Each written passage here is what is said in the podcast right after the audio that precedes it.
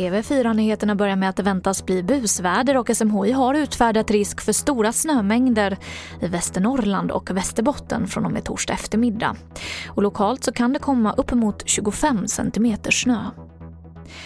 Moderaterna KU-anmäler nu justitieminister Morgan Johansson för hanteringen av lagförslaget om att göra det lättare för asylsökande att få uppehållstillstånd i Sverige av humanitära skäl.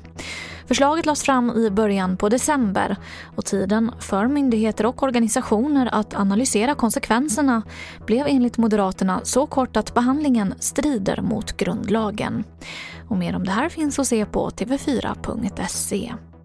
Och till sist kan jag berätta att coronapandemin slår hårt mot landets idrottsföreningar. Och Riksidrottsförbundets ordförande Björn Eriksson skriver på DN Debatt att man vill att regeringen skjuter till flera miljarder kronor i stöd. Annars så finns risk att de sociala klyftorna ökar, menar han. I rikare områden kanske man klarar det bra för där kanske man kan höja avgifter och annat. Överhuvudtaget får du ett mycket, mycket sämre Sverige. Och det är inte särskilt konstigt att om du har det här smittoläget så drabbar det idrotten väldigt mycket och vi kan vara en positiv motkraft.